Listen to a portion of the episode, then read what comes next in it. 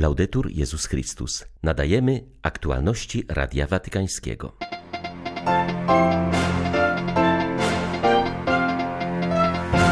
Kto przyzwala na zbrodnie i do nich zachęca, sam staje się zbrodniarzem, przypomina arcybiskup Szewczuk, protestując przeciwko postawie patriarchy Cyryla, który ponownie podżega do wojny na Ukrainie. Hongkongu stanął przed sądem kardynał Zen Zekium, były ordynariusz tego miasta. Władze zarzucają mu współpracę z obcymi siłami. Dziś przypada Światowy Dzień Modlitw za Kościół w Chinach. Nasila się prześladowanie kościoła w Nikaragui. 24 maja witają Państwa ksiądz Krzysztof Ołdakowski i Krzysztof Brąk. Zapraszamy na serwis informacyjny. Kto przyzwala na zbrodnie i do nich zachęca, sam staje się zbrodniarzem, przypomina arcybiskup Światosław Szewczuk, odwołując się do katechizmowego nauczania o tzw. Tak grzechach cudzych.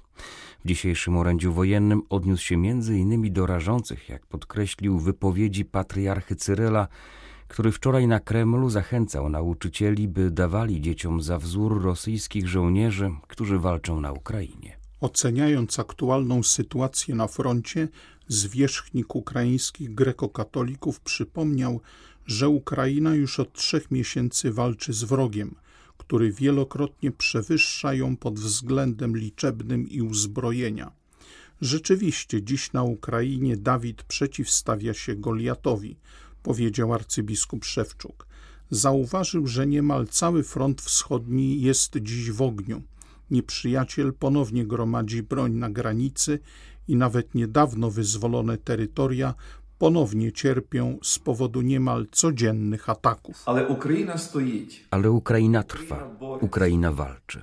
Jesteśmy wdzięczni ukraińskim obrońcom za nowy poranek i tę możliwość rozmowy i rozważania Słowa Bożego. Wielu międzynarodowych śledczych przyjechało do naszego kraju, aby badać rosyjskie zbrodnie wojenne popełnione na ziemi ukraińskiej. Widzimy, że rosyjska armia, rosyjscy oficerowie, dowództwo nie tylko pozwalają na zabijanie cywilów, gwałty na kobietach, dzieciach, mężczyznach, ale także do tego zachęcają. Ten, kto pozwala na morderstwo i gwałt, staje się mordercą i gwałcicielem.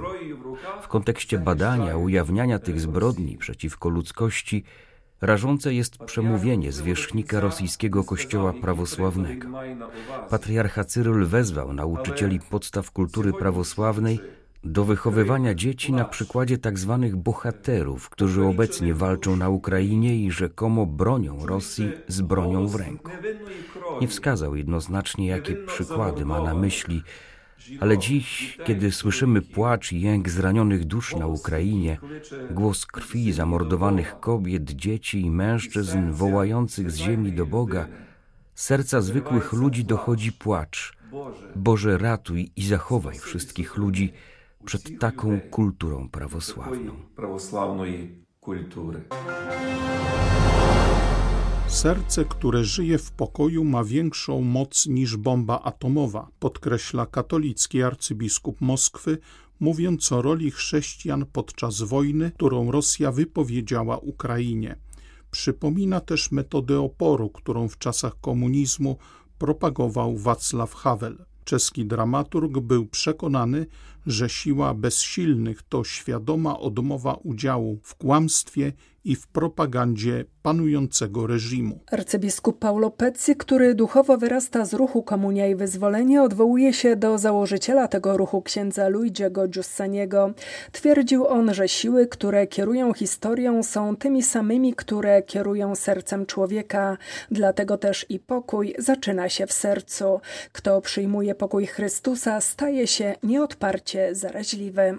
Moskiewski arcybiskup przytacza doświadczenie głębokiej nocy nocy na Syberii, którą rozświetlają jednak tysiące gwiazd. Każdy chrześcijanin, który uczestniczy w życiu Chrystusa zmartwychwstałego, staje się płomieniem nadziei dla wszystkich, zapewnia włoski biskup, który od niemal 30 lat żyje w Rosji. Wskazuje też na potrzebę codziennej troski o własną wolność. On sam odzyskuje ją co rano podczas adoracji Najświętszego Sakramentu. Moskiewski arcybiskup odwołuje się też jednak do metody zaproponowanej przez Wacława Hawla w komunistycznej Czechosłowacji i przypomina postawę opisanego przez czeskiego dramaturga sprzedawcy warzyw, który wybiera wolność, bo na swym straganie nie zamieszcza propagandowych sloganów. My też musimy myśleć, jak być wolnym, co sprawia, że jesteśmy wolni, podkreśla arcybiskup Pecci. Wojna na Ukrainie negatywnie odbija się na sytuacji umęczonej Syrii. Świat o nas zapomniał, a pomoc międzynarodowa, która dociera, jest coraz mniejsza, mówi Radiu Watykańskiemu maronicki arcybiskup Aleppo. Hierarcha wyznaje, że ludzie otwarcie mówią, iż lepiej żyło się im pod bombami niż teraz. Arcybiskup Józef Tobi podkreśla, że wcześniej Syryjczycy ginęli z powodu wojny, teraz umierają z głodu. Sytuacja pogarsza się z dnia na dzień. Sankcje ekonomiczne trwają już 11 lat i jest to gorsza broń niż spadające bomby. Po tych latach konfliktu w ludziach jest wielkie cierpienie, ból i rozczarowanie, że kolejny raz o nas zapomniano przy okazji wojny na Ukrainie. Bieda jest ogromna. Ponad 90% ludności żyje poniżej progu ubóstwa. Dla zobrazowania sytuacji powiem jedynie, że urzędnik państwowy zarabia 100 tysięcy syryjskich lirów, czyli 25 euro a wielu zarabia jeszcze mniej. Z tego nie da się wyżyć, a o leczeniu można zapomnieć. Żebrzemy o to, co świat jeszcze może i chce wysłać do Syrii. Wojna na Ukrainie uderza mocno także w nas. Ceny zboża i oleju są astronomiczne. Z powodu embarga już dawno brakuje nam paliwa. Nie ma czym zasilić generatorów w szpitalach czy pieców do wypiekania chleba. To jest prawdziwa katastrofa. Każdego dnia żyje się nam gorzej. Przed sądem w Hongkongu stanął dziś 90-letni kardynał Joseph Zen Zekyun. Choć został aresztowany za współpracę z obcymi siłami, to nie postawiono mu tego zarzutu, lecz oskarżono o niezarejestrowanie na policji nieistniejącej już fundacji wspierającej prodemokratycznych demonstrantów w pokrywaniu kosztów prawnych i medycznych. Hierarcha stwierdził, że jest niewinny. Proces zostanie wznowiony we wrześniu. Wraz z kardynałem Zenem przed sądem stanęło także czworo aktywistów zaangażowanych w działania na rzecz demokratyzacji Chin, którzy podobnie jak kardynał zostali zatrzymani na początku maja na mocy ustawy o bezpieczeństwie narodowym. Wszystkich aresztowano pod zarzutem współpracy z obcymi siłami, za co grozi kara dożywotniego więzienia. Ostatecznie oskarżonym, którzy wszyscy byli członkami fundacji wspierającej trzy lata temu prodemokratyczną demonstrantów w pokrywaniu kosztów prawnych i medycznych postawiono zarzut niezarejestrowania fundacji. Nie jest to przestępstwo związane z bezpieczeństwem narodowym i grozi za nie jedynie grzywna. Oskarżeni nie przyznali się do winy, a ich proces rozpocznie się 19 września. Aresztowanie kardynała Dzena wywołało oburzenie państw zachodnich, które oskarżyły Chiny o ograniczanie swobód, które w międzynarodowych traktatach obiecały Hongkongowi. W rozprawie uczestniczyli dyplomaci z wielu krajów europejskich. Warto odnotować, że dziś przypada Światowy Dzień Modlitw za Kościół w Chinach. Chrześcijanie i muzułmanie muszą wspólnie przeciwstawić się fanatycznemu ekstremizmowi islamskiemu, który umacnia się w Nigerii. W rozmowie z Radiem Watykańskim wskazuje na to kardynał John Onayekan, komentując liczne w tym kraju porwania i morderstwa kapłanów, a ostatnio ukamienowanie chrześcijańskiej studentki za rzekome bluźnierstwo przeciwko Mahometowi. Istnieją muzułmanie, którzy nienawidzą chrześcijaństwa, ale nadal twierdzę, że nie stanowią oni większości w Nigerii. Jednak bez względu na to, czy są mniejszością, czy nie, stanowią niebezpieczny element w naszym społeczeństwie, ponieważ wszyscy zgadzamy się co do tego, że chrześcijaństwo i islam mają pozostać w tym kraju. Największe prześladowania są na północy. Wielu chrześcijan chciałoby uciec, ale nie ma dokąd. To, co dzieje się, jest dowodem braku dobrych rządów, braku praworządności. Jestem głęboko przekonany, że tylko wtedy, gdy chrześcijanie i muzułmanie połączą swoje siły, aby odrzucić terror fundamentalistów i stanowiska ekstremistyczne, będziemy mieć szansę na sukces. Reżim rządzącego nieprzerwanie od 16 lat w Nikaragui Daniela Ortegi nie przestaje walczyć z Kościołem. Po wydaleniu z kraju kilka tygodni temu nuncjusza apostolskiego władze zamknęły należącą do konferencji episkopatu stację telewizyjną Kanal 51. Od wielu lat Kościół w Nikaragui doświadcza skutków przybierającej na sile kampanii rządowej dążącej do zastraszenia go, uciszenia i całkowitego zlikwidowania.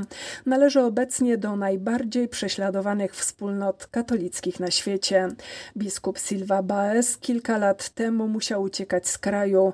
Biskup Rolando Alvarez w proteście przeciwko represjom antyreligijnym i śledzeniu każdego jego ruchu przez policję podjął w ostatnich dniach bezterminowy strajk głodowy. Jest on surowym krytykiem sandanistycznego rządu prezydenta Ortegi, który aresztował dziesiątki opozycyjnych polityków. Będę pracował w międzykulturowej rzeczywistości. Dokument o braterstwie ludzkim pozostaje wskazaniem do życia wiarą w pokoju i zgodzie. Tak biskup Paulo Martinelli określa perspektywę swojej misji jako wikariusza apostolskiego Arabii Południowej. Hierarcha podkreśla, że miejscowy kościół jest złożony z wiernych pochodzących z różnych krajów i kultur, którzy znaleźli się w tym regionie świata z powodu pracy. Drugim ważnym kontekstem jest codzienne spotkanie z islamem i dialog życia z muzułmanami, którzy pozostają znaczącą większością. Próbując przyjrzeć się działalności prowadzonej przez wikariat apostolski, można stwierdzić, że istnieje sieć parafialna, która pozwala odpowiedzieć na wielką potrzebę, jaką mają nasi wierni. Moje myśli, moje serce od początku były bardzo mocno związane z rzeczywistością Jemenu, który jest częścią wikariatu i który w tym czasie, ale również od wielu lat przeżywa bardzo silny konflikt. Myślę o siostrach matki Teresy, które straciły tam cztery swoje współsiostry, właśnie dlatego, że nie chciały opuścić tego miejsca, mimo gruźb, ponieważ czuły wezwanie wiary i powołanie do opieki nad powierzonymi im niepełnosprawnymi. Jest jeszcze jedna rzecz, która mnie uderzyła i którą uważam za bardzo ważną. Wiąże się to z obecnością wielu szkół prowadzonych przez wikariat, także we współpracy z niektórymi zakonami. Wydaje mi się, że jest to coś, co zasługuje na rozwój. Miejsce, gdzie uczy się pozytywnych relacji z ludźmi, których cechują różnice kulturowe i religijne, co może budować dobre życie dla wszystkich. Una vita buona per tutti. Papieska wizyta w Sudanie Południowym już wydaje owoce, zanim jeszcze się rozpoczęła. Sytuacja w kraju się uspokaja, wskazuje na to biskup Edward Hiboro Kusala.